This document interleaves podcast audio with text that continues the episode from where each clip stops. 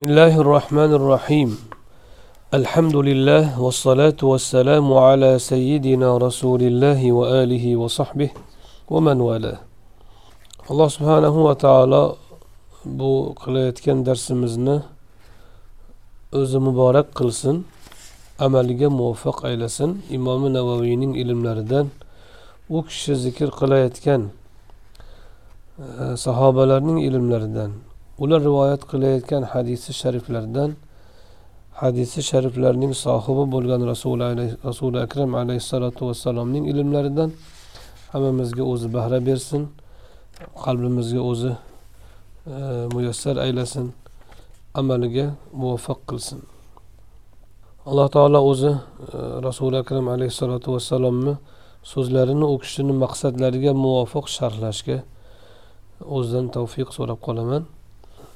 Biz e, birinchi bobni o'rganayotgan edik unda tilovati qur'onning fazilati hamda qur'oni karimga homil bo'lgan kishilarning fazilati to'g'risida so'z borayotgan edi.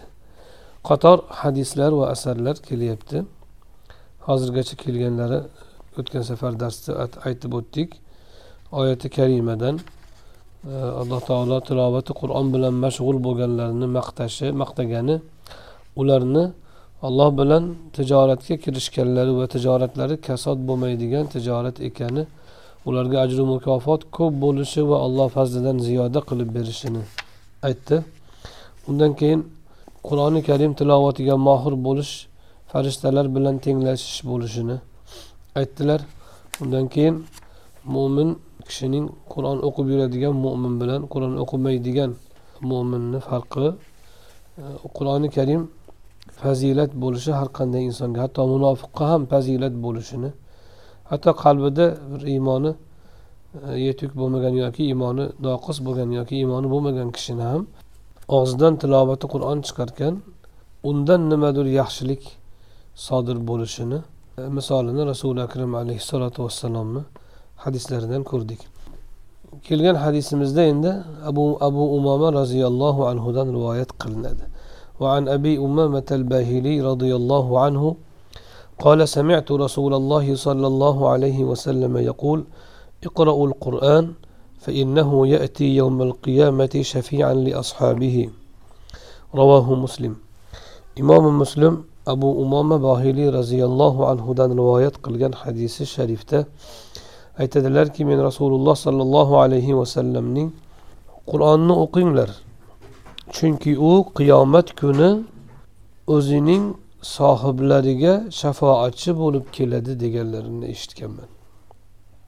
Ushbu hadis sharifda rasuli akram alayhissalotu vassalom qur'oni karimni qiroati to'g'risida so'zlayaptilar. Qur'oni karimni o'qish alohida ish tushunish alohida ish uni tadqiq qilish alohida ish uni amalga tatbiq qilish yana alohida ish. O'sha ishlarning birinchi bosqichi qur'onni o'qish bilan bo'ladi. Qur'oni karimni o'qinglar. Ya'ni bu amr qanaqa amr bu? Odatda biz bilamizki qoidadan usuliy qoidalardan bilamizki amr buyruq vojiblikni taqozo qiladi. Bir kishi birovga falon so'zni pistonchiga aytib qo'ying desa shu lozim bo'ladi aytish.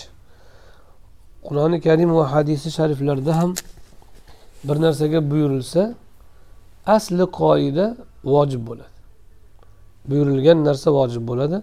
Faqatgina ba'zi bir qarina deymiz ya'ni bir e, e, boshqa dalillar yoki ishoralar yoki alomatlar bilan u amrning vojib emasligini tushunib olishimiz mumkin. Masalan kulu vashrabu yeb ichinglar isrof qilmanglar degan bo'lsa yeb ichish shundan kelib chiqib vojib deyilmaydi.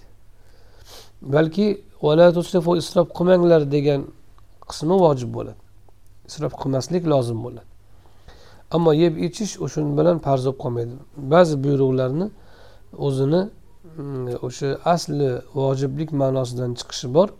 Bu boshqa dalolat qiladigan qarinalar bilan hosil bo'ladi.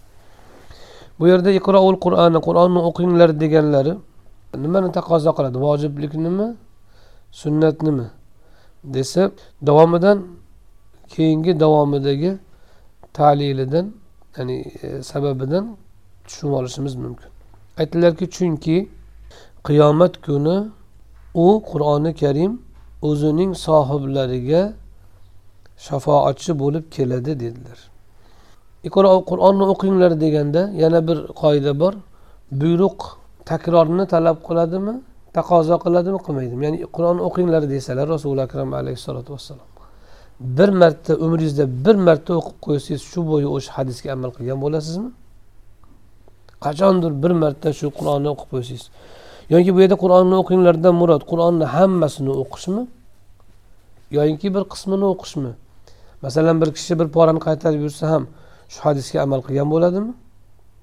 E, yoyinki qur'onni hammasini o'qisagina bu hadisga amal qilgan bo'ladimi? Qur'onni hammasini o'qigan odam bir marta o'qisanglar bu hadisga amal qilgan bo'ladimi? Bir marta xatm qilsanglar yoyinki boshqa narsani taqozo qiladimi? Bu buyruq.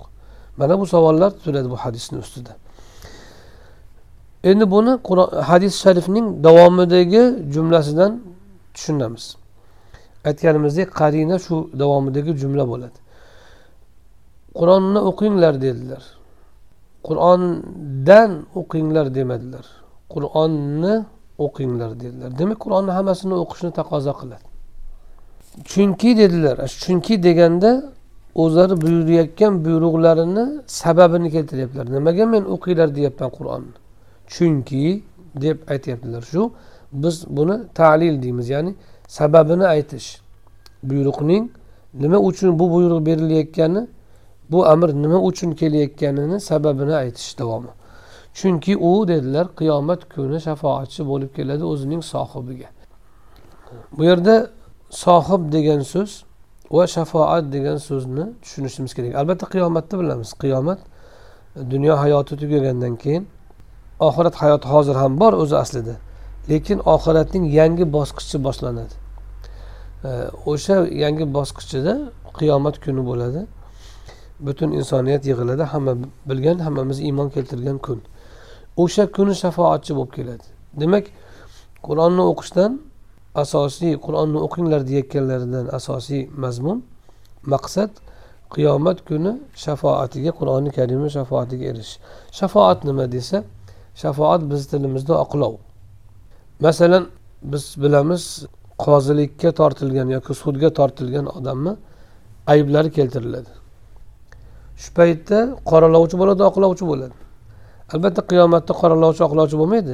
Bandani yaxshi amali yomon amali ko'ndalang qilinadi. Shunda o'rtaga bir kishi kirib yomon amalini o'tim qilinishini so'rab yaxshi amalini mukofotlash yoyinki yaxshi amaliga beriladigan mukofotni ham ko'paytirib berishni talab qilsa shu shafoat deyiladi.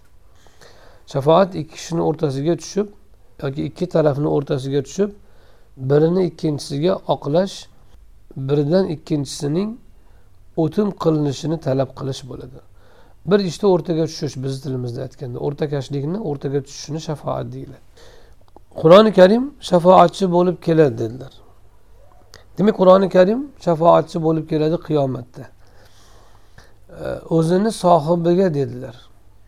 Bu yerda hadisi sharifdagi o'sha iqroul qur'on qur'onni o'qinglar degan so'zlar bir marta o'qish bilan hosil bo'ladimi? Bir marta xatm bilan? Yoyinki boshqa ma'no bormi desa mana shu sohib degan so'zdan chiqadi. Sohib deb hamnafas hamroh bo'lganini aytadi. Bir ma'noda. Ikkinchisi ega ma'nosini bildiradi. Egalik ma'nosini masalan bu odam yaxshi xulq sohibidir desa sohibi kana sohiba xuluqin desa arab tilida ham xuddi biz tilimizdaqa ega ma'nosi bildiriladi. O'zi arab tilidan kirgan bizga. O'zi sohiba so'zi aslida birgalikni bildiradi doimiy birgalik o'shuning uchun sahoba ikromlarni biz e, rasuli akram alayhissalotu vassalomni suhbatdoshlari bo'lgan shogirdlari bo'lgan zotlarni sahobalar deymiz. Rasululloh bilan birga bo'lgan kishilar. Sohiba so'zi sohiblik asli birgalikni bildiradi. Ikkinchi ma'noda kimiki bir narsaga ega bo'lsa ega bo'lgan narsasi undan ajramagani uchun egalikka ham sohiblik ma'nosi ishlatilishi urfga kirgan odatga kirgan. Bu yerda qur'oni karim o'zini sohibiga deganlaridan qur'oni karimga hamnafas bo'lgan kishiga demoqchi bo'ladilar. Ya'ni qur'on bilan birga bo'lgan kishiga. Demak qur'on bilan birga bo'lish nazarda tutilgan bo'lsa e, demak qur'onni o'qinglar deganlaridan murod qur'onni o'qib yuringlar demoqchi ekanlar. Bir marta o'qib qo'yinglar emas qur'onni o'qib yuringlar. Qur'onga hamnafas bo'linglar. Qur'onga hamroh bo'linglar. Hamrohingiz qur'on bo'lsin. Qur'onga ham suhbat bo'ling deganlari ekan bu. Chunki agar bir marta o'qib qo'ysa u kishi qur'onga sohib bo'lmaydi. Masalan bir odam bilan bir marta ko'rishsangiz siz u bilan sohib bo'lmaysiz. Qachonki u siz bilan doim hamroh bo'lsa shundagina uni sohib deyiladi. Qur'oni karimni o'qinglar. U qiyomat kuni o'zini o'qib qo'yganlarga yoki o'qiganlarga shafoatchi bo'ladi demadilar balki sohibiga sohiblariga shafoatchi bo'ladi dedilar. Demak qur'oni karimni o'qish fotihada bir o'likka bag'ishlab qo'yish uchun yoyinki tabarrukan bir marta yarim marta o'qib qo'yish uchun yoyinki bir marosimni o'tkazish uchun emas. Bular ham sohiblikni jumlasiga kiradi. Kishi qur'ondan ajramaganligi qur'onga doim bog'langanligi uchun to'yida ham qur'on o'qiydi o'limida ham qur'on o'qiydi hm? yotganda ham turganda ham uyida ham tashqarida ham jamoatda ham yolg'iz holatda ham qur'on o'qiydi. Mana shu sohiblikni belgisi. Ammo faqat jamoatchilikka cheklab qo'yish faqat shu o'likkagina o'qib boshqa vaqt o'qimaslik yoki qabristondagina o'qish bu qur'onni e, mahjur tutish qur'onni uzoqlashtirish qur'ondan begona bo'lish hisoblanadi. Demak qur'onga sohib bo'lish qur'on sizga hamnafas bo'lsin. Xursand bo'lgan kuningizda ham xafa bo'lgan kuningizda ham to'yingizda ham o'limingizda ham yolg'iz holatingizda ham jamoaviy to'plandilaringizda ham. Hamma holatda qur'oni karim sizga oshno bo'lsa siz doim qur'onni o'qib yursangiz ana siz qur'onni sohib bo'lasiz. Ana shu kishiga qur'oni karim shafoatchi bo'lib keladi. Endi qur'oni karimni shafoatchi bo'lib kelishida demak qur'oni karimga oshnolik shart qilinyapti. Nima uchun qur'oni karimga oshnolik kerak bo'ladi? Qur'oni karimni chunki har qanaqa odam o'qiydi bir marta ikki marta u dushman ham o'qiydi. Dinni buzaman deb qur'onga qarshi kurashaman deganlar ham o'qiydi qur'onni vaqti kelsa. Munofiq ham o'qiydi. Qur'onni lekin unga sohib bo'lish hamnafas bo'lish faqat komil mo'mingagina nasib qiladi. Chunki kishi o'zini hamjinsi bo'lmagan narsaga doimiy hamnafas bo'lolmaydi. Masalan safarda samolyotda har qanday odam bilan ketaverasiz. Ammo o'zingizga jins bo'lmagan o'zingizga muvofiq bo'lmagan odam bilan turmush qurolmaysiz. Har qanaqa yomon odam bilan samolyotda hamroh bo'lishingiz mumkin. besh soat olti soat. Bozorda ancha muncha savdoda turishingiz mumkin. Ammo sizga hamnafas bo'lib hamsuhbat bo'lib doim birga bo'ladigan kishi faqat o'zingizni jinsdoshingiz bo'lishi kerak. O'zingizni e, ham hamjinsingiz ham jinsingiz tabi sizga to'g'ri keladigan odam bo'ladi. Bo'lmasa u bilan yashab bo'lmaydi. Qur'oni karim kimgaki ham jins bo'lsa demak uni tabiati qur'onga muvofiq bo'ladi. Ana u kishi qur'onga ahl bo'ladi ana bu kishi qur'oni karimni shafoatiga erishadi. Qur'oni karimni shafoati qiyomat kuni bo'ladi deganlari qiyomat kunini ta'kidlab aytganlari bu shuki qur'oni karimni shafoati qiyomat kunigagina cheklanmaydi dunyoda ham inshaalloh qur'onni barakoti bo'ladi. Ammo bu yerda qur'oni karimni shafoatchi bo'lib shaxs sifatida kelishi nazarda tutilyapti. Qur'oni karim qanday shafoatchilik qiladi. Bir shaxs sifatida kelib bandani olloh bilan o'rtasiga tushib shafoat qiladi. Shafoat azobdan qutqarish bo'lishi mumkin. Gunohni kechirilishi uchun bo'lishi mumkin. Jannatda yuqori martaba olish uchun bo'lishi mumkin. Jannatga kiryapti bir kishi. Shafoat uni darajasini ko'tarishga vasila bo'ladi vosita bo'ladi masalan.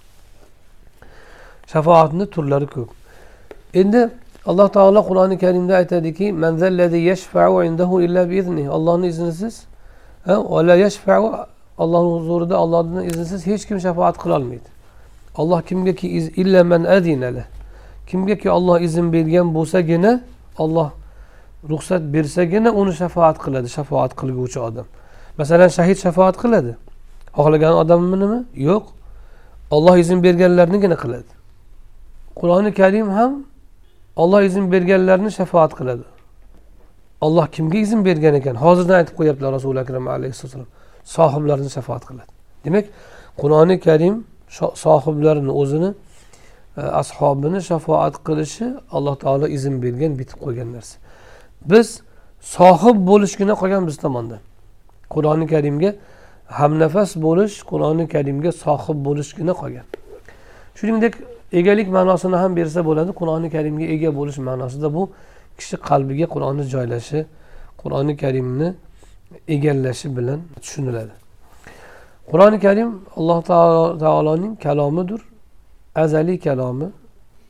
Alloh taoloni o'zidan sodir bo'lgan bandalarga alloh subhanahu va taoloning tajallisidir. Alloh o'zini qur'on bilan ko'rsatgan bandalarga. Jafar sodiq aytganlarki alloh taolo qur'oni karimda tajalli qilgan ya'ni o'zini ko'rsatgan namoyon qilgan. Faqat uni ko'radigan yo'q deganlar ko'radigan kam. Ana shu tajalli qilgan narsasi o'zidan sodir bo'lgan narsasi o'zining azaliy kalomi allohning sifatlaridandir. Bu qur'oni karim shafoatga kirisharkan uning shafoati o'tmay qolmaydi. Masalan biz otamizni haqqiga duo qilishimiz mumkin. Kechirgin deb. Onamiz haqiga duo qilishimiz mumkin. Jannatni yuqorisini bergin deb. Qabul bo'lish ehtimoli bor bo'lmasligi ehtimoli ham bor. Janoza o'qiymiz bir odam o'lsa janoza namozi shafoatchilik hisoblanadi. Janoza mo'minlarning marhumni haqidagi shafoatchiligi. U shafoat o'tishi mumkin o'tmasligi ham mumkin. Biz janozada duo qilamiz mana shu odamni kechirgin deb. Alloh xohlasa kechiradi xohlamasa duoyimiz o'zimizga ajr bo'ladiyu. Marhumga umuman foydasi bo'lmasligi mumkin. Bu allohni irodasidagi narsa. Ammo qur'oni karim shafoatchi bo'lsachi qur'on o'zi oldindan izn berilgan shafoatchiligi. U albatta o'tadi u. Qur'oni karimni shafoati albatta o'tadi chunki biror bir maxluq yaratilmish alloh taoloning azaliy sifati bo'lgan qur'oni karimni martabasini e, ololmaydi. Qur'oni karimni martabasiga qiyos qilinmaydi. Qur'oni karim shafoat qilarkan u alloh taoloning o'zidan sodir bo'lgan kalom ekan albatta allohni huzurida uni shafoati o'tadi. Demak bizdan qur'oni karimni shafoatiga loyiq bo'lish qoladi. Uning yo'li qur'oni karimni o'zimizga oshno tutish qur'oni karimga oshno bo'lish qoladi. Qur'oni karimni o'qinglar deganlaridan murod faqat zohirini o'qish emas lafzlarini o'qish ham keladi tafsirlarini o'qish ham keladi ma'nolarini tadabbur qilish ham kiradi. Hammasi qur'onni o'qishdir. Demak hadis sharifni shunday tushunamizki qur'oni karimni doim o'qib yuring. Chunki qur'oni karim qiyomat kuni u bilan hamroh bo'lgan qur'onni o'ziga hamroh tutgan yoki qur'onni egallagan o'zini ashoblariga oqlovchi bo'lib shafoatchi bo'lib keladi. Va uni shafoati albatta o'tadi degani bo'ladi. وعن ابن عمر رضي الله عنهما عن النبي صلى الله عليه وسلم قال لا حسد إلا في اثنتين. رجل آتاه الله القرآن فهو يقوم به آناء الليل وآناء النهار. ورجل آتاه الله مالا فهو ينفقه آناء الليل وآناء النهار. رواه البخاري ومسلم. Imomi buxoriy va imomi muslimlar rivoyat qilgan hadisi sharifda ibn umar roziyallohu anhudan naql qilinadi. Nabiy sollallohu alayhi vasallam dedilarki ikki kishidan boshqaga hasad qilinmaydi. Birinchisi olloh qur'on bergan kishi va u o'sha qur'oni karimni o'qib qoim bo'ladi qur'oni karim bilan qoim bo'ladi kechasiyu kunduzi kechalariyu kunduzlari qur'oni karim bilan qoim bo'ladi. Ikkinchi kishi olloh unga mol bergan. U kechalariyu kunduzlari o'sha molni infoq qiladi dedilar. Bu hadis sharifda rasuli akram alayhissalotu vassalom e, buyuk bir nuqtani aytdilar nuktani aytdilar va bu hadis sharif rasuli akram alayhissalotu vassalomni kamol sohibi ekanlaridan dalolat qiladi. Chunki kamolot sifatlaridan ikkitasini aytdilar va himmatlari balandligini ko'rsatadi. Buni qandoq tushunamiz? Yana aytdilarki hasad qilinmaydi faqat ikki kishiga qilish mumkin. Bu yerdagi hasaddan murod qaytarilgan nahiy qilingan harom qilingan yomon xulq emas. Hasad bor g'ibta bor. G'ibta deyishadi bizda havas degani. Hasad bor havas bor. Havas bir odamdagi bir ne'matni ko'rib o'zgadagi ne'matni o'zida ham hosil bo'lishini istash havas deyiladi. Bir odam masalan deylik e, moshina minganini ko'rib men ham shunaqa moshina minsamu. Bir odamni deylik chiroyli kiyingan kiyinganini ko'rib manda ham shunaqa chiroyli kiyimlar bo'lsa bir odamni solih farzandini ko'rib manda ham shunaqa solih farzand bo'lsa bir odamni ilm tarqatganini ko'rib man ham shunaqa ilm tarqatsam yana bir odamni boshqa bir yaxshi ishini ko'rib manda ham shu ish man ham shu ishni qilsam deb havas qilish o'sha ne'matni o'zida hosil bo'lishini istash orzu qilish bu havas deyiladi. Endi boshqada bir ne'matni ko'rib uni o'sha ne'matdan mahrum bo'lishini istash bu hasad deyiladi.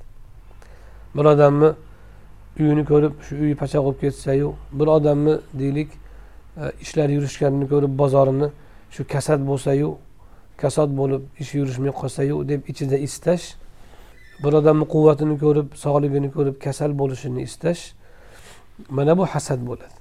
Hasad har qanaqasiga qaytariladi. Harom axloq qalbni eng ko'p qora qiladigan eng yomon axloqlardan iblisni iblis bo'lib quvilishiga sabab bo'lgan narsa hasad bo'lgan. Eng birinchi sodir bo'lgan gunohlardan. Kibr qilgan kibrdan kelib chiqib hasad qilgan. Degan. Mana shu odamni mendan ulug' qildingmi? degan. Ana minhu men undan yaxshiman degan. Odamdagi olloh ikrom qilgan fazlini ko'ra olmagan. Insoniyat tarixida ham birinchi gunoh odam alayhissalomda nafsga aldanishdan bo'lgan bo'lsa lekin katta gunoh kabira gunohi birinchi bo'lib hasaddan bo'lgan odam alayhissalomni o'g'li qobil qobilni o'ldirib qo'ygan. Qurbonligi qabul qilinmaganidan. Demak hasad insoniyatni boshiga tushgan eng yomon illat eng yomon gunoh bu shaytonni axloqidan. Boshqadagi ne'matni ko'ra olmaslik boshqadagi ne'matni yo'q bo'lishini istash. Bu hasad turi bu axloq har qanaqasiga harom bu joiz emas. Ammo bu yerda rasuli akram alayhisalotu vassalom nimaga havas demadilar? Lag'ibtota yoki lag'tibata illa fitnayni ikki kishigagina havas qilinadi demadilar. Hasad so'zini ishlatdilar. Albatta bu yerda narigi odamni ne'matini ketishini orzu qilish nazarda tutilgan emas faqat bu yerda rasuli akram alayhissalotu vassalom bir nozik nuqtaga urg'u beradilar. Kishi birovga havas qilsa oddiy havas qilishi mumkin. Lekin kuyunib havas qilish mumkin. Bu yerda hasad so'zini ishlatishlaridan murod kuyunib o'sha odamdagi ne'matga erishishga jon dildan kuyunib istashni oddiy havas emas. Bo'lsa yaxshi edi yoki bo'lsa qaniydi degan oddiy orzu emas balki kuyunish bilan intilish bilan bo'ladigan havasni nazarda tutganlar o'sha ma'noni berish uchun hasad so'zini ishlatganlar yoinki ikkinchi nuqta bo'lishi ham bor. U ham bo'lsa qalbingizda kimgadir nisbatan kuyunish paydo bo'lsa yoki siz dunyoda ne'matlarni ko'rsangiz kuyunib shu narsaga bir intilishga arziydigan narsa deb nimani ko'rayotgan bo'lsangiz dunyoda birortasi arzimaydi biron uyni ko'rib albatta men ham shunaqa uyli bo'lishim kerak deb kuyinish arzimaydi birovni mashinasini ko'rib ham birovni mol dunyosini bola chaqasini ko'rib ham ikkita odamga kuyunib o'shanga erishishni istasangiz arziydi. Ya'ni agar hasad qilmoqchi bo'lsangiz hasad mumkin emas mabodo qilmoqchi bo'lsangiz mana shu ma'noda qiling ya'ni albatta uni qur'onni yo'g'olib esdan chiqib ketishi yoki moli yo'q ketishini istash bilan emas balki hasadgo'y odam hasad qilayotgan kishisiga qanaqangi kuykanadi? Xuddi shunaqa kuykaning faqat undan ne'matni ketishini orzu qilish mustasno o'sha holatdan tashqari. Ammo hasadchini kuyini shunaqa kuyunsa arziydigan narsa bu degan. O'sha ma'noni bermoqchi bo'ladilar. Ha va bu ikkinchi ma'no ya'ni illa fitnatayni degani mabodo hasad qilsa arziydigan narsa bo'lsa shu ikkalasi bo'ladi degan ma'noni bildiradilar. Unda ham o'sha ne'matni zoyil bo'lishini istamagan holat. Ikki kishigagina havas qilinadi yoki qattiq kuykanib kuyunib o'sha odamga o'xshashga urinsa bo'ladi deganlaridan nimani tushunamiz? Rasuli akram alayhissalotu vassalomni himmatlarini tushunamiz. Har narsani ham har narsani ham havas qilavermar ekanlar har narsani ham havas qilsa arziydigan narsa deb qaramar ekanlar u kishini himmatlarini va kamolotlarini ko'ramiz. Havas qilsa arziydigan ikki kishi bor xolos deyaptilar. Har kim havas qilavermaysiz u mashhur bo'lsanglar mashhurligini havas qilish. Yoyinki qilishingiz mumkin lekin aytganimizdek kuyunib havas qiladigan emas. Yengil menda ham bo'lsa yaxshi degan orzu yomon narsa emas. Ammo arziydigan narsa emas. Kishi qalbini burishga arziydigan narsa emas. Birinchi kishi dedilar qur'oni karimni olloh unga bergan dedilar. Olloh bergan deyishlaridan tushunamizki qur'oni karimni men yodlasam bo'lib qolaman zo'r o'qisam bo'lib qolaman yoki bolamni palonchiga berdim pulini to'lab qo'ydim albatta bo'ladi deb hech kim xotirjam bo'lolmaydi. Olloh o'zi beradi qur'onni. Demak qur'oni karimni qur'oni karimni olloh bergan kishi birinchisi. O'zi hamma narsani olloh beradi. Alloh taoloni inoyatisiz atosiz e, nafaqat e, bir katta narsa kiprikni qoqib ham bo'lmaydi. Bor kiprikni qoqib ham bo'lmaydi ollohni inoyatisiz.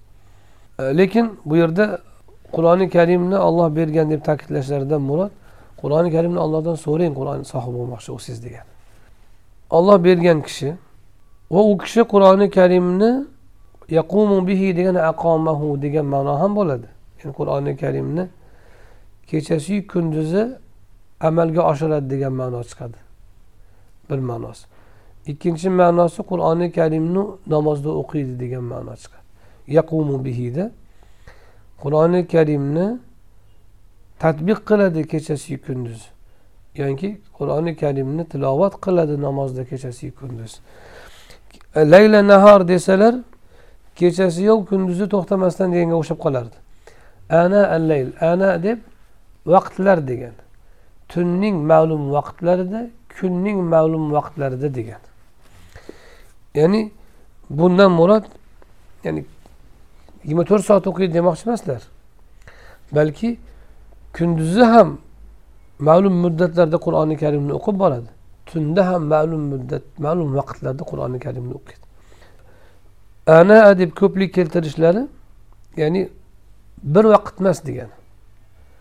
Tunning bitta vaqtida emas tunning bir qancha vaqtlarida avvalida o'rtasida oxirida degandek. Kunning ham bitta vaqtida emas avvalida o'rtasida oxirida asnosida degan. Bu degani qur'oni karimdan uzilmaydi degan. Qur'oni karimga bog'langan bo'ladi u kishi degan. Tunining ma'lum vaqtlari ham qur'on bilan o'tadi. Kunduzining ma'lum vaqtlari ham qur'on bilan o'tadi degan. Olloh unga qur'onni bergan kechasiyu kunduzi ma'lum vaqtlarda qur'on bilan o'tadi uni vaqti bu kechasiyu kunduzining vaqtlari deb aytishlaridan u odam deyarli qur'ondan uzilmaydi degan ma'no chiqadi. Endi qur'oni karimni olloh u kishiga bergan u kishi shunday qilolmaydi. Ana hofiz bo'lishdagi asosiy murod murodlardan biri shu. Chunki kishi hofiz bo'lmasa qur'oni karim bilan kechasi kunduzi birga bo'lolmaydi. Agar kishi hofiz bo'lsagina qur'oni karimni har asnoda har vaqtda o'qiy olishga va u uni tadabbur qilishga uni o'ylashga uni o'rganishga qodir bo'ladi. Ana hofiz bo'lishdagi asosiy maqsad shu. Chunki qalbida hozir bo'lmasa kishi kechalariyu kunduzlari qur'onga qayta olmaydi.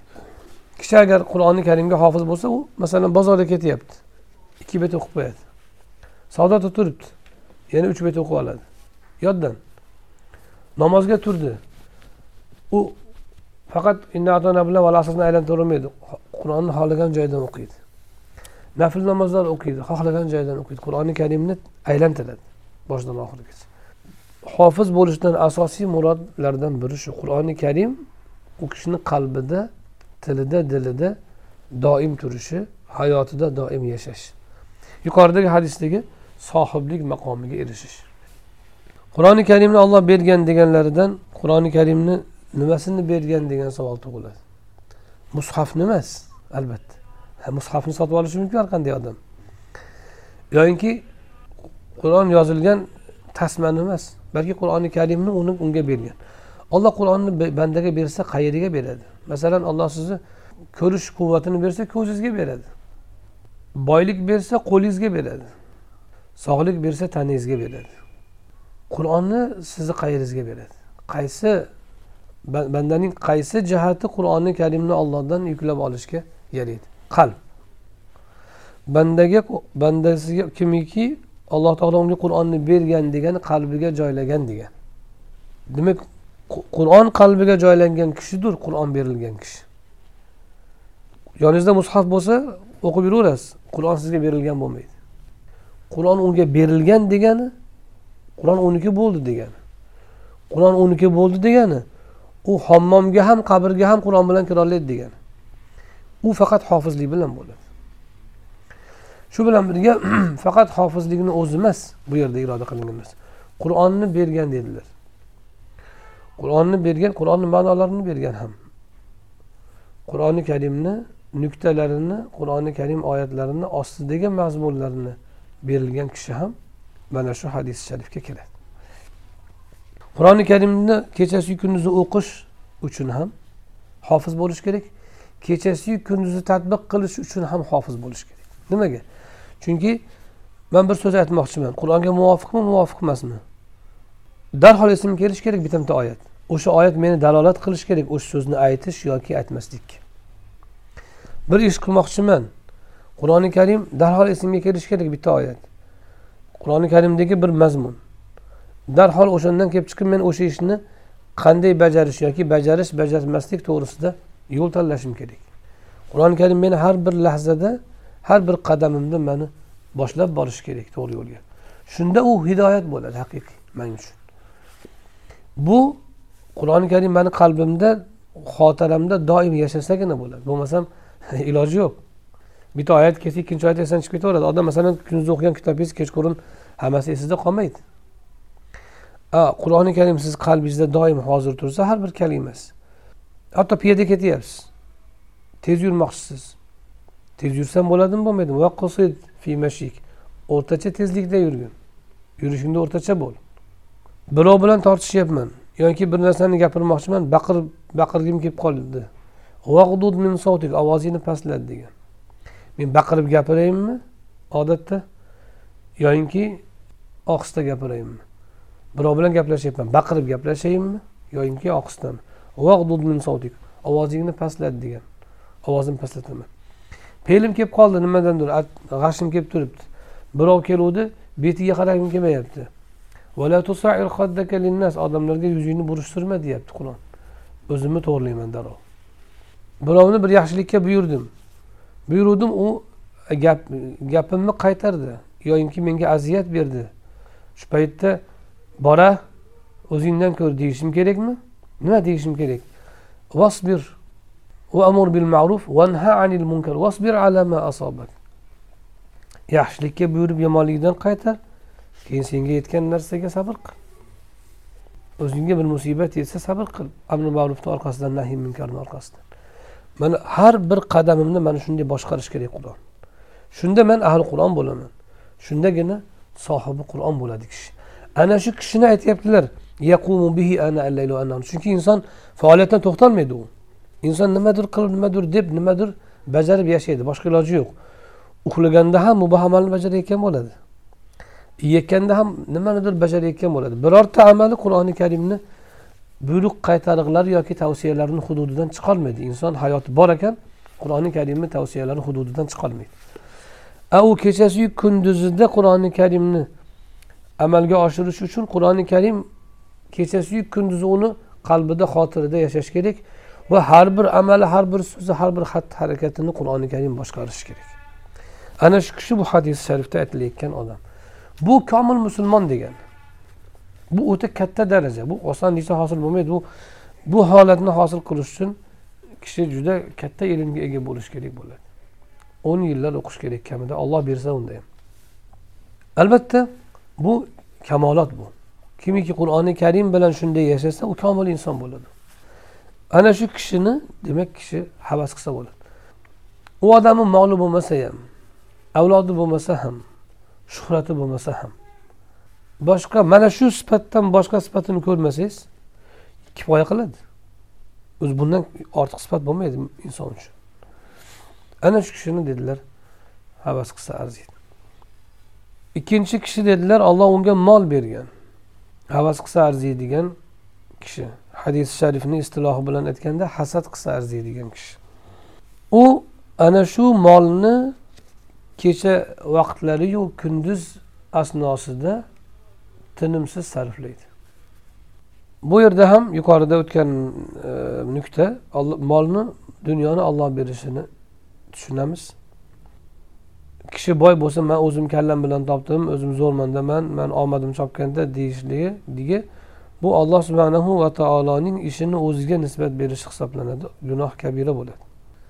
Alloh taolo menga berdi. Zakovatni bergani uchun zakovatni orqasidan berdi desa mumkin. Payg'ambarimiz alayhissalotu vassalom yuqoridagi hadis yuqoridagi jumlada ham qur'on berilgan kishi deb to'xtamadilar.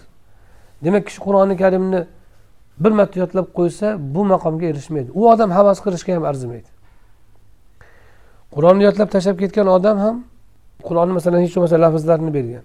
Lekin uni kechasi kunduzi u bilan yashamaydigan bo'lsa u kishi havasga arzimaydi.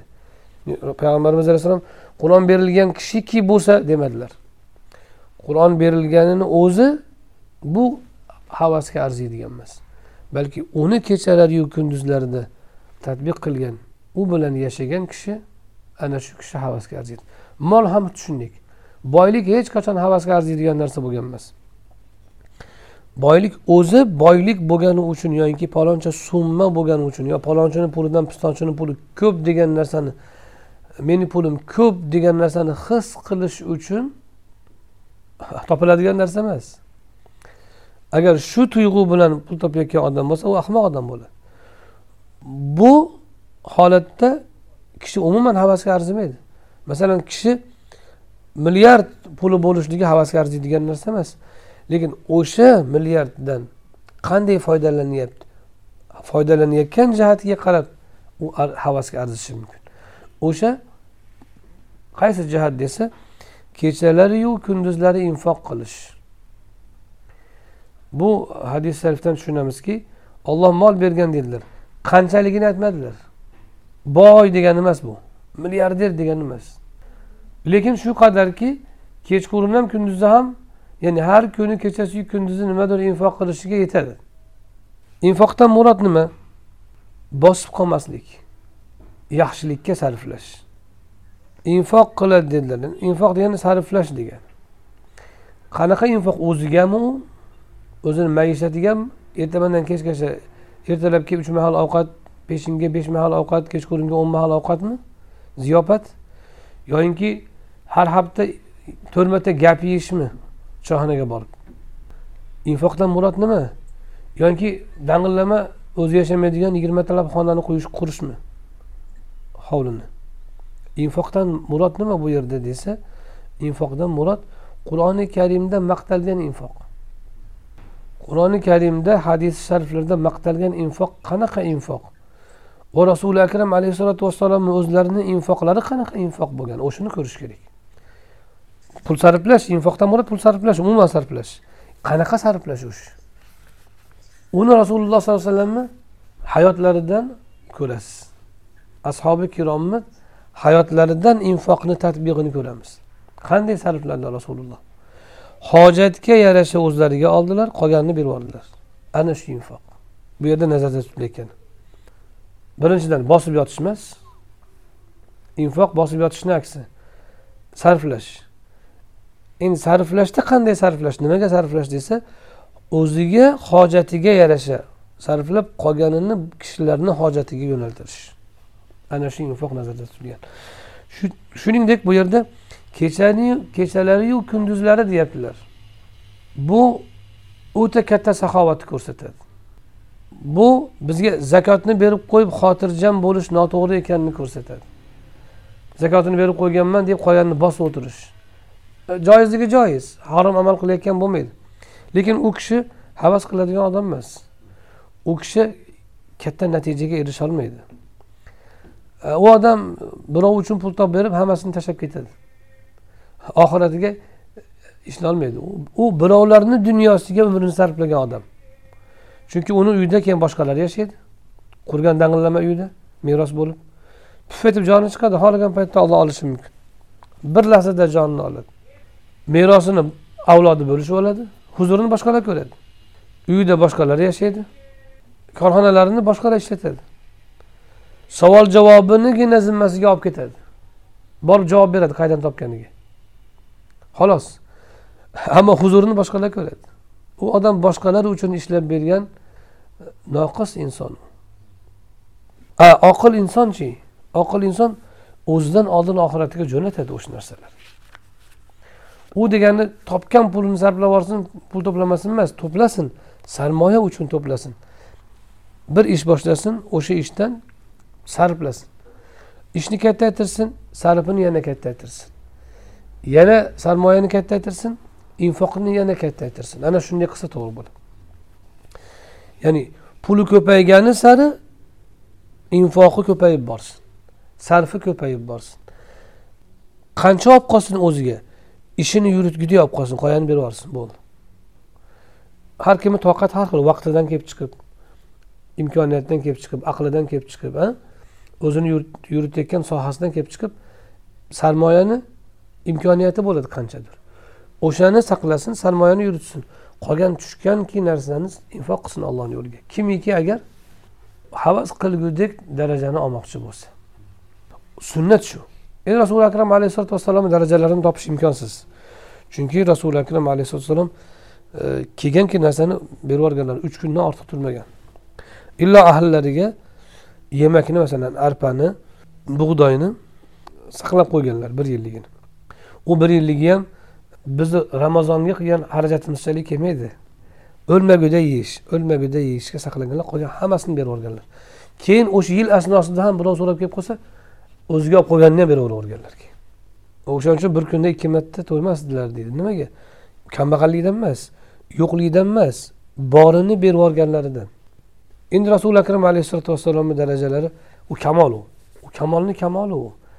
Kishi shunga qancha yaqin bo'lsa shuncha insoniyligi odamiyligi kamolga yetgan bo'ladi.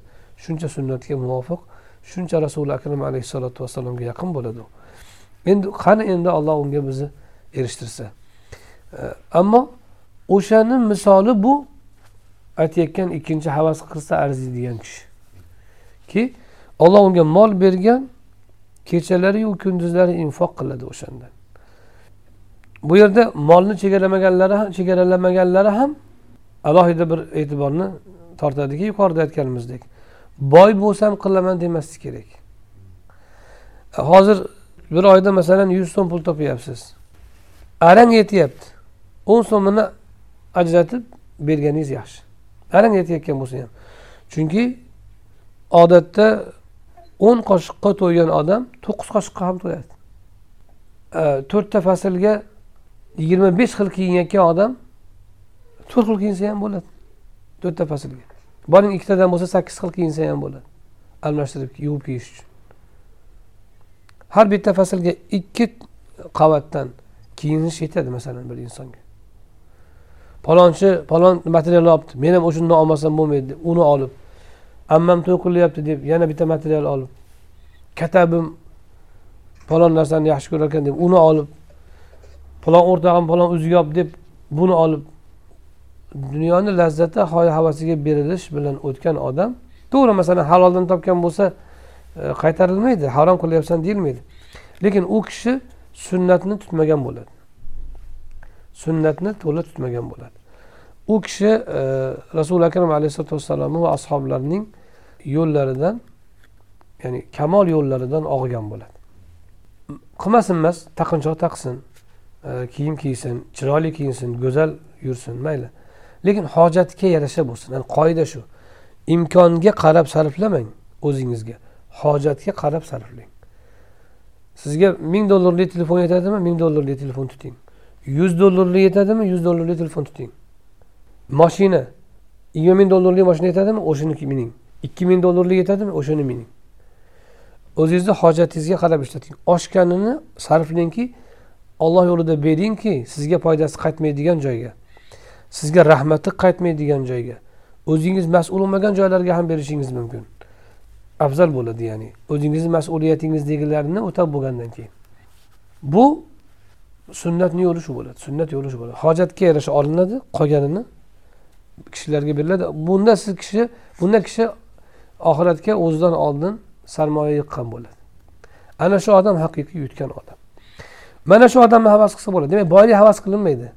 Rasululloh aytmadilarki pul berilgan odam boylik berilgan odamni olloh mol bergan odam ikkinchi odam deb to'xtamadilar havas qilishga arziydigan balki olloh bergan u kechasiyu kunduzi sarflaydi. Kechasiyu kunduzi sarflaydi deganlaridan tushunamizki onda sonda sadaqa chiqarib qo'yib o'zimizni saxovatli sanashimiz o'zimizni o'zimiz aldashimiz bo'ladi.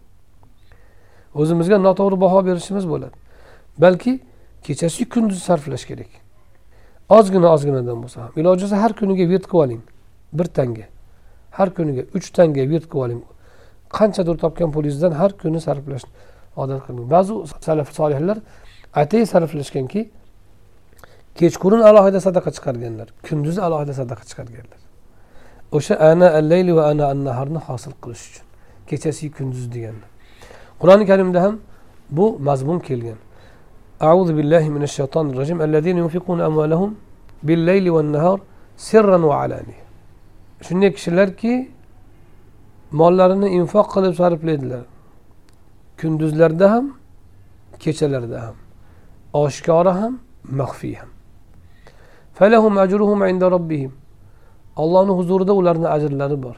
Ularga ollohni huzurida ajrlari ularga xavf xatar yo'q. Ularga mahzunlik yo'q. Ularga xavf yo'q degani nima degani? Ular qo'rqmaydilar degani emas. Ularga qo'rquv yo'q. Ya'ni ularni holatidan xatar yo'q degani ular mahzun bo'lmaydilar. Ularda masalan amallari habada bo'lishidan yonki falon ishni qilmabmanda deb afsus qiladigan holat bo'lmaydi. Mahzunlik bo'lmaydi. Ana shu sifatni ba'zi salaf solihlar hosil qilish uchun bir rivoyatda abu bakr siddiq roziyallohu anhudan keladi.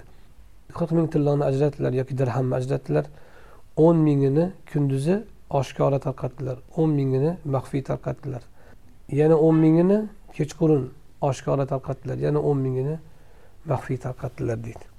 Mana shu oyati karimalarga amal qilish uchun hadis sharifdagi maqomni hosil qilish uchun.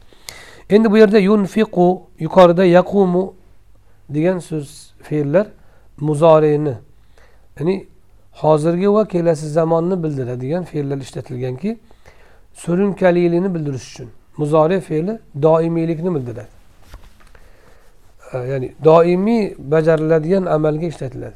Demak u kishi bir kecha bir kunduz infoq qilib qo'yadi yoki bir kecha bir kunduz qur'on bilan oshno bo'ladi yoki qur'onga amal qiladi emas. U doimo kechalarda kunduzlarda shunday bo'ladi bardavom bo'ladi degan. Xususan rasuli akram alayhissalotu vassalomdan hadis sharif bor alloh taologa amallarning eng yoqimlisi bardavomlidir deganlar. Bu yerda rojulin deb rojul so'zini keltirdilar bizda er deb qo'yiladi. Erkakka ishlatiladi rojul so'zi. Endi bu e, hadis sharifni mazmuni e, maqsadiga xizmat qiladi inshaalloh deb umid qilaman. E, sharhni o'zagidan bo'lmasa ham bu gap. Lug'aviy jihatdan rajul so'zi er jinsiga ishlatiladi. Lekin u ayol jinsini muqobilida emas. Ya'ni e, ayol jinsi bor bu rus tilida mujkozinskiy degandaqa u arab tilida zakar va unsa deb yuritiladi. Zukura va unusa deb. Erkaklik bizni tilimizda urg'ochilik er erkaklik yoki modanar degan. Bu jinsni bildiruvchi so'zlar zukura va unusa zakar va unsa deb yuritiladi. Ammo rajulchi rajul? Rajul bu odatda insoniy sifatlardan kelib chiqib ishlatiladi asli. Insoniy kamolot sifatlariga ishlatiladi rujulat. Shuning uchun rajullik yoki rijollik rajullik yoki rujulat qaysi birini aytsangiz ham bo'ladi. Bizni tilimizga ko'proq rijol degan so'z kirib qo'ygan rijollik deb qo'yadi rijollar deb qo'yadi. Komil insonlar mardlar degani bu axloqqa doir ayol kishi ham rijollardan bo'lishi mumkin bu ma'noda. Bu rujulat axloqiy kamolotni o'zlashtirgan kishilarga aytiladi. Futuvat ham deyiladi tasavvufda. Va axloq ilmida futuvat ham deyiladi. Futuvat ham yigitchilik degani. Undan murod ham insoniy kamolot kamolot sifatlarini hosil qilish saxovat kabi shijoat go'zal axloqlarni hosil qilish yomon axloqlardan pok bo'lishni rujulat deyiladi. Ana shu ma'noda bu yerda bu kishi deb aytayotganlaridan shu rujulatni kamolotini ko'rsatganlarini ko'ramiz. Bir kishiki unga qur'on bergan u kishi rujulatni kamolotiga yetgan unga ayol kishi ham hosil qilishi mumkin bo'ladi bu sifatlarni bu ikki suratdan biz nimani anglaymiz? Rasuli akram alayhissalotu vassalomni himmatlari balandligini anglaymiz. Va alloh subhanahu va taoloning mezoni buyukligini anglaymiz. Allohni mezoni daqiq va allohni mezoni buyuk. Daqiqligi zarrani ham hisob qiladi. Buyukligi yuqori amallarni talab qiladi. Yuqori darajalarni talab qiladi. Masalan bizda o'zimiz oddiy narsalarni havas qilamiz. Oddiy kiyimni ham havas qilishimiz mumkin. Odatda.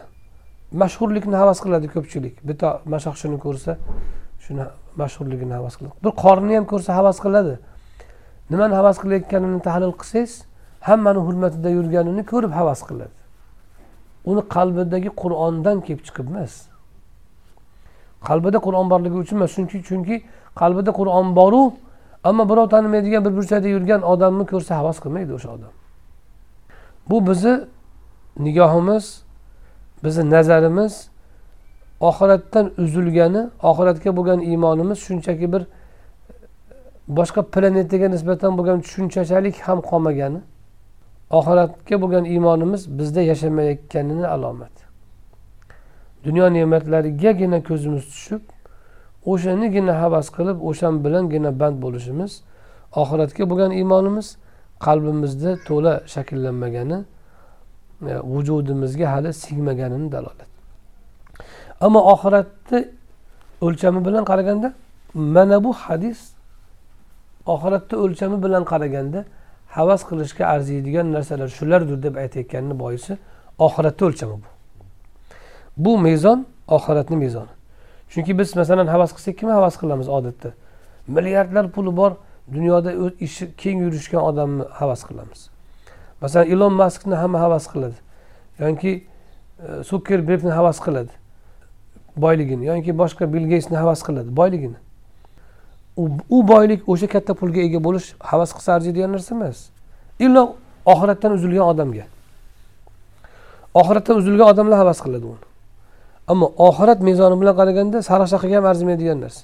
Pashshani qanotishlariga ham qadri yo'q narsalar bular magaram o'sha mol agar hadis sharifda aytilgandaqa kechasiyu kunduzi xayrga sarflanayotgan bo'lsa egasi o'zidan oldin oxiratga zaxira yig'ayotgan bo'lsa ana bu havasga arziydi biz haramda imom bo'lgan odamni havas qilamiz nimasi bilan mashhurligi bilan shuncha million odamga imom bo'lyapti deb hop shu havas qilinadigan narsami hatto oxirat amali bo'lib ko'rinsa ham payg'ambarimiz alayhissalotu vassalom buni ko'rsatmayaptilar havas havas qilsa arziydigan narsa deb haramga imom bo'lish ham havas qilsa arziydigan narsa emas ekan demak oxirat amali bo'lib ko'rinsa ham imomni havas qilishingiz mumkin imomligi bilan emas balki agar unga olloh qur'onni bergan bo'lsa u kechasiyu kunduzi o'sha qur'onni o'zida yashatayotgan bo'lsa ana shu kishi o'sha jihatdan havas qilinishi mumkin.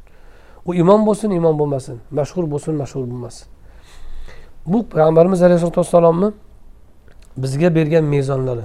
Bu musulmon dunyoqarashni bizga beradi.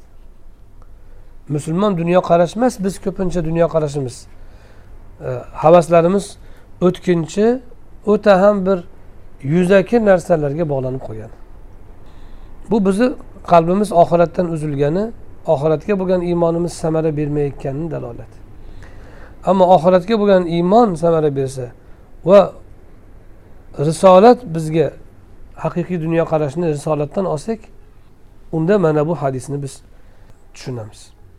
Mana shu holatga kelishimiz kerak. Havasimiz shunga qarasin. Qalbi bu havas qalbni istagi u. Uni siz boshqara olmaysiz aqlingiz bilan vaqti kelsa. Sizda aql va ruh qalb oxirat tushunchalari bilan shakllansagina ichingizdan bu havaslar paydo bo'ladi. Ammo buni til bilan so'z bilan yasay olmaymiz. Yoyinki shu qoriga havas qildim qur'oniga deb shunchaki aytolmaymiz u ichkaridan tug'iladigan narsa. U havas ichkaridan tug'iladigan narsa.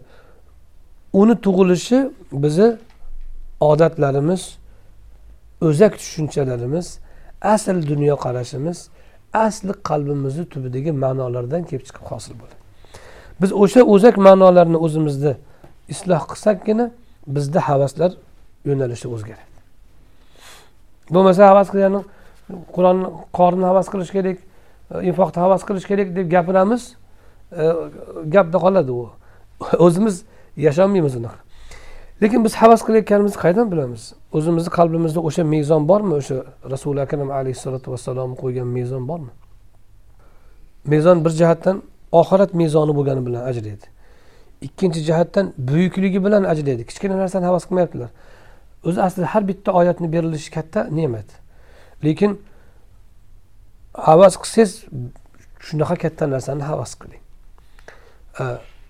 Osilsang baland dorga osil degandaqa ya'ni yuqoriga intiling demoqchi bo'lib aytyaptilar bu gapni. Agar kichkinaroq narsani ham u ham masalan bitta oyatni bilishingiz ham bitta oyatni yodlashingiz ham ne'mat o'zi. Asli havas qilsa arzishi mumkin. Lekin agar shu gapni aytganlarida kishilarni himmati so'nardi ikkita oyatni yodlab o'nta surani yodlab ikki bor yodlab qo'yib ham e, katta marraga erishgan bo'lib tuyulardi. Kishilarni himmati so'nib qolardi. Rasuli akram alayhi vassalom kamolotni ko'rsatdilar. Toinki o'shanga intilsin kishi doimki o'zi bilan kifoyalanmasin. Biz o'zimizga qarashimiz kerak. Agar haqiqatda havas qilayotgan bo'lsak mana bir kishi bir boyni havas qilsa boyligini boylikka intiladi. Bir odam bir kompyuterni yoki telefonni havas qilsa o'shanga erishishga urinadi. Agar bizda bu havas haqiqiy paydo bo'lsa biz hayotimizda hozirdan shu holat yashashni boshlaydi. Bor pulimizdan tinimsiz infoq qilishga urinib qolamiz va kechasiyu kunduzi eng ko'p vaqtimizni qur'onga ajratishga o'tib qolamiz. Qachonki alloh taolo bizga qur'onni mukammal berganda va molni berib doimiy sarflash bizni tabiatimizga o'tganda biz mana shu ikki e, havas qilsa arziydigan sifatlarni o'zimizda hosil qilgan bo'lamiz. Tushunarlimi? Alloh subhanahu va taolo o'zi hammamizga buni muvaffaq aylasin. وروينا أيضا من رواية عبد الله بن مسعود رضي الله عنه بلفظ لا حسد إلا في اثنتين رجل آتاه الله مالا فسلطه على هلكته بالحق ورجل آتاه الله حكمة فهو يقضي بها ويعلمها.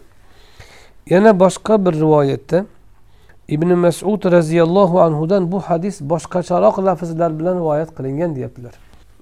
Ikki kishigagina hasad qilinadi. Birinchisi olloh unga mol bergan kishi. Va u bu molni haq yo'lida sarflashiga olloh uni hukmron qilib qo'ygan. Olloh uni haq yo'lda sarflaydigan qilib qo'ygan. Bir kishiki olloh unga mol bergan va uni haq yo'lda sarflaydigan qilib qo'ygan. Haq bil haq halak e, ala halakatihi bil haq. Haqda muqobilida pulini halok qiladi deyaptilar. Bu hadis sharif yuqoridagi hadis sharifni ikkinchi lafzi biz aytganimizdek yuqoridagi mazmunni to'ldiradi. Nima bilan to'ldiradi? Birinchidan tartib o'zgargan unda birinchi qur'on kelgan bo'lsa bunda birinchi mol kelyapti. Olloh unga mol bergan yuqoridagi hadisda kechasiyu kunduzi infoq qiladi deydilar nimaga infoq qiladi degan savol tug'ildiyu u balandroq uy qurishgami yoyinki o'zini sharoitini komfortni yuqorisiga olib chiqishgami nimaga? Desa haq yo'lida halok qilishga. Bu yerda ikkita so'z alohida bizga bir xos ma'noni beradi. Birinchisi haq yo'lida deganlar. Haqdan murod nima? Botilni aksi. Undan murod nima desa u ajr bo'ladigan narsaga sarflash chunki haq degani sobit degani sobit abadiy qoladigan narsani haq deyiladi. Yoki sobit narsani abadiy bo'lmagan taqdirda ham sobit narsani haq deyiladi. Bu yerdagi haqdan murod ya'ni kishini hayoti uchun zarur bo'lgan dunyosi u oxirati uchun qoladigan narsalar. Biz uy qilamiz uydan murod ahlimizni masalan e, himoya qilish. Uni boshqa ko'zlardan saqlash bo'lsa shuni o'zi ham oxiratga zaxira bo'ladi asli. Lekin o'sha maqsadga sarflanadigan darajada qilish kerak. E, o'sha maqsadga yetadigan darajada. Ba'zi odam e, yaxshi niyat qilsa bo'ldi deb o'ylaydi. Masalan oxiratga ajr bo'lsin deb uy qurdim. Maqsadim ahlimni shu issiq sovuq bilan ta'minlash. Ularni hayoti osoyishta bo'lsinki ibodat qilsin. Deb niyat qildingizmi o'shanga yetadigan darajada bo'lsa kifoya qiladi. U ahlingiz ikkita farzandingiz bo'lsa yigirmata uy solish emas unga. Ular ohista hayot kechirib ibodat qilish uchun nechta uy kerak? Ikkitami uchtami? Shu o'sha nazarda tutiladi. O'shani o'shanda niyatingiz amalingizga muvofiq bo'ladi. Niyat xohlagancha qilib qo'yib o'zicha og'zidan xohlagan gapni aytib qo'yib u boshqa odamni ishini qilsa u niyati hisobga o'tmaydi tushunarlimi? Demak o'shanda ham kishi oxirat uchun ishlayotgan bo'ladi. Chunki dunyo hayotidagi sharoit ham oxiratga vasila qilingan bo'ladi vosita qilingan bo'ladi. Lekin o'shanga yarashasini olib qolishlik iroda qilinadi bu yerda. Bu yerda aytyaptilarki haq yo'lida sarflash degani shu. Ya'ni faqat ajr bo'ladigan savob bo'ladigan natijasi yaxshilikka olib boradigan narsaga sarflash. Ammo bir kishi kinoga sarflasachi internetdagi o'yinlarga sarflasachi bu yerda haqni nima uchun haqni aytdilar? Muqobilida botil turadi. Botil gunohni ham o'z ichiga oladi behuda narsani ham o'z ichiga oladi. Salaf solihni so'zlarida botil deganda faqat yomon narsa emas faqat gunoh emas balki behuda narsa ham faqat zararli emas balki befoyda narsa ham nazarda tutiladi botil deganda. Masalan oddiy o'ynash gap gashtalarni botil deyishgan. Botil deyishdan murod gunoh degan ma'noda emas balki bu narsalar foydasiz degan ma'no haqni aksi chunki haq sobit va foydali narsa bo'ladi. Birinchidan demak demak behuda narsaga sarflash ham chiqib ketar ekan bu yerda. Faqat foydali o'ringa sarflaysiz. Botil behuda narsani deganda faqat siz o'yin kulgini tushunmang. Hojatdan tashqarisi behuda bo'ladi. Hojatlar e, zaruriyat bo'ladi hojiyat bo'ladi ziynat bo'ladi. Zarurat shuki u bo'lmasa kishi o'lib qoladi hayoti davom etmaydi. Yoki o'ta qattiq mashaqqatga tushadi. Ikkinchi qism e, kishini hojatlari zarur e, hojiyot hojiyat deyiladi. Hojiyat degani kishi ular bo'lmasa ham yashay oladi lekin ular bo'lsa hayoti osonlashadi. Qiynalmay yashaydi. Uchinchi darajadagilar ziynat darajasi. Ziynat kishi u bo'lmasa ham qiynalmaydi. Bo'lsa deylik huzuri ortadi xolos ammo yo'qligi kishini qiyinchilikka olib kelmaydi. Kishida mashaq mashaqqat tug'dirmaydi. Mana shu uch uch tabaqa kishini hojatlari bo'ladi. Uchalasiga ham sarflashi mumkin ammo uchalasida ham hojatga ya'ni keragicha masalan bir kishi kiyim misolini olamiz.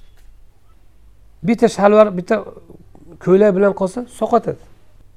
U odamga demak mahsi kiyib qalin ishton kiyib palto kiyish zaruratdan bo'ladi.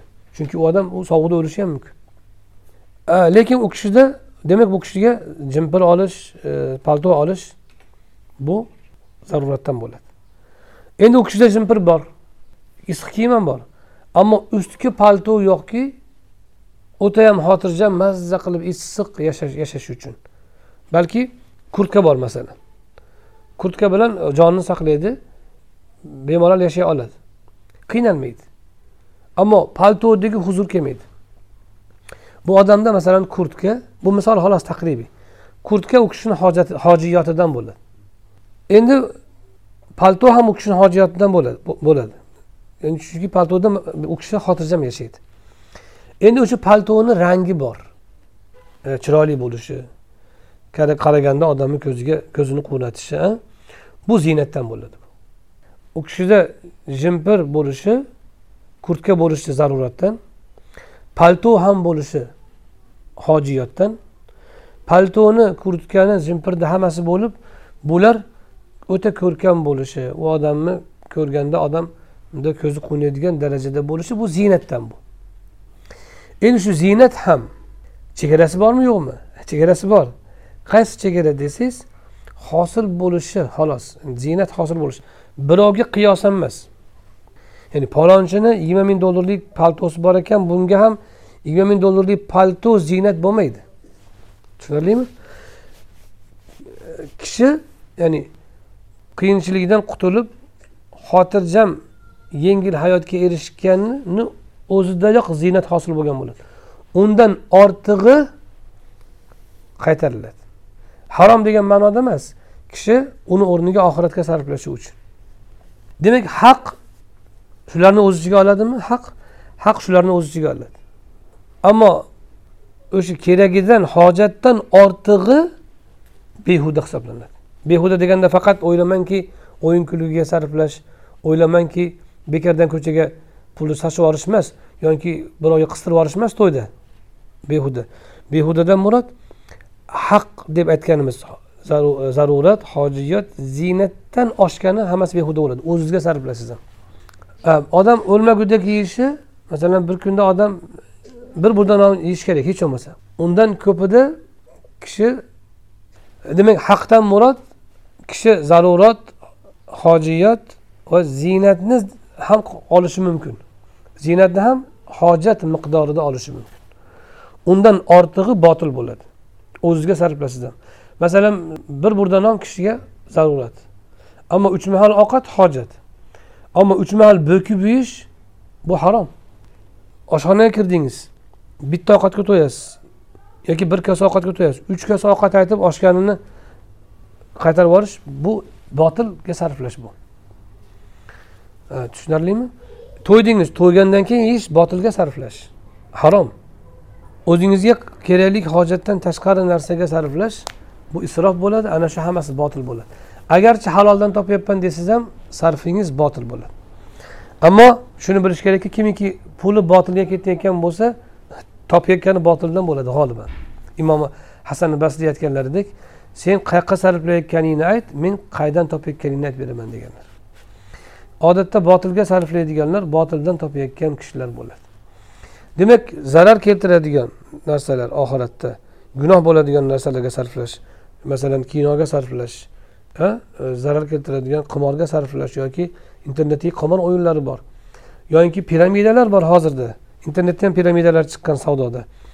Ularga sarflash bular hammasi botilga sarflash. Demak bu yo'lda sarflayotgan odam yuqoridagi darajani ololmaydi. Payg'ambarimiz alayhissalom aytdilar haq yo'lda sarflagan odam. Deb turib halakatihi ala halakati halakat degani nima degani? Tugatadi degani. Ya'ni haq yo'lda ozgina sarflab to'xtaydi emas borini haq yo'lda sarflaydi. Borini haq yo'lda sarflash nimani bildiradi? Botilga oshmasligini bildiradi va o'zida qolmasligini bildiradi. Ala halakatihi bil haq o'ta katta ma'no beradi. Ya'ni haq yo'lda sarflab bitirish degani u nimani taqozo qiladi? Haqdan boshqasiga sarflamaslikni va o'zida orttirib qolmaslikni bildiradi. Ana shu kishi havasga arziydi. Bu kishi chunki nima uchun bu kishi havasga arziydi? Chunki oxiratga borgan kishi do'zaxga kirsayu nadomat qilishi aniq afsus qilish. Jannat ahli ham nadomat qiladi. Illo istiqoma egalari yuqori martaba egalarigina nadomat qilmaydi. Nima uchun? Ular chunki bor imkonni sarflagan bo'ladi. Undan boshqasi hamma nadomat qiladi o'zidan yuqoridagi odam maqomini ko'rganda bu odam nima bilan erishgan deydi. Bu odam oltmish yil umr ko'rgan falon amalni qilgan deydi. Oltmish yil umrni man ham ko'rganman nimaga men o'sha amalni qilmaganman deydi. Bu odam faloncha infoq qilgan o'shaning uchun bu martabani oldi deydi. Qarab uncha mol manda ham bor ediyu men nimaga qilmaganman deydi. Istiqoma ahlidan boshqa hamma afsus qiladi jannatda. Hattoki bir suhbatda o'tirgan bo'lsanglar dedilar rasuli akram alayhissalotu vassalom o'sha yerda ollohni zikr qilmasdan ketgan bo'lsanglar jannatda ham o'sha narsa nuqson bo'ladi dedilar. Zikrdan to'xtagan paytimizda ham nuqson bo'ladi jannatda bilinadi u. Mana bu ikkala maqom qur'oni karimni va molni egasi bo'lgan kishilarning maqomi u istiqoma egalarining yuqori darajadagi kishilarning maqomi. Shuning uchun shularni havas qilsa arziydi nima uchun? Undan pastida nadomat bo'lishi mumkin. Undan pastida nadomat bo'lishi mumkin. Siz masalan ikki xona ikki xona uy bor odamni havas qilaverasiz vaqti kelsa. Lekin besh ikki xonali odam besh xonalikni ko'rganda ikki xonaligiga o'zi achinadi. Demak u havas qilishga arzimaydi. Chunki uni holatida ham undan yuqoriga qarab nadomat holati bor. Afsus nadomat holati hosil bo'ladi. Ammo mana bu ikki kishida nadomat bo'lmaydi. Shuning uchun bularni havas qilsa arziydi undan quyidagilarda nadomat hosil bo'lishi mumkin sodir bo'lishi mumkin. Endi ikkinchi ma'noda qur'oni karim emas ikkinchi kishi olloh hikmat bergan kishi dedilar. U hikmat bilan hukm qiladi yaqudiy. Va yuallimuhu uni ta'lim beradi. Ikkinchi odam shunday odamki bu ikki hadisni ikkinchi lafzida olloh unga hikmatni bergan u o'sha hikmat bilan hukm qiladi va uni o'rgatadi. Bu lafz yuqoridagi biz aytgan ma'noni sharhlaydi. Qur'oni yaqumu bihidan murod nima ekan? Kechagi kunduzi o'qish ma'nosi ham bor u lafzni olganimizda. Lekin bu hadis sharifni ikkinchi lafzi uni sharhlaydiki maqsad amal ekan va uni tarqatish ekan. Olloh unga hikmat bergan. Hikmatdan murod ilmni bitta turi hikmat. Faqat ilm ma'lumotlarni ilm nima? Ilm bir narsani voqeda qanday bo'lsa o'shanday idrok qilish jazm va dalil bilan. Qat'iy bilasiz bir narsani va voqeda qanday bo'lsa shunday bilasiz va dalilingiz bo'ladi o'sha narsani siz bilgan suratda ekaniga. Masalan men bir telefonni ko'rsatsam bu iphone deysiz. Samsung emasmi desam yo'q bu iphone deysiz. iphoneligini ko'rgansiz sizda iphone'ligiga dalil bor. iphone degan yozuv turibdiyu degan dalilingiz bor. Hech kim sizni ikkilantira olmaydi samsungmikin degan e, shubhani keltira olmaydi. Kaltaklab ham sizni uni samsung ekaniga ishontira olmaydi. Sizda shunaqangi jazm va haligi yozuvdan kelib chiqqan yoki boshqa dalilingiz bor uni iphone deb bilyapsiz. Va voqeda haqiqatda iphone. Mana buni ilm deyiladi. Bu kalom ahlini tarifida endi shuni samsung deb o'ylasangizki unda unda siz murakkab johilsiz. Bilaman deb o'ylayapsiz bilmayotgan bo'lasiz. Yoyinki ikkilansangizchi samsungmikin iphonemikin unda ham ilm hisoblanmaydi. Yoki iphone deb bildingiz lekin ikkinchi odam sizda yo bu samsung deb ishontirib yubordi. U ham ilm emas. Sizda jazm yo'q. Ilm mana shu narsa.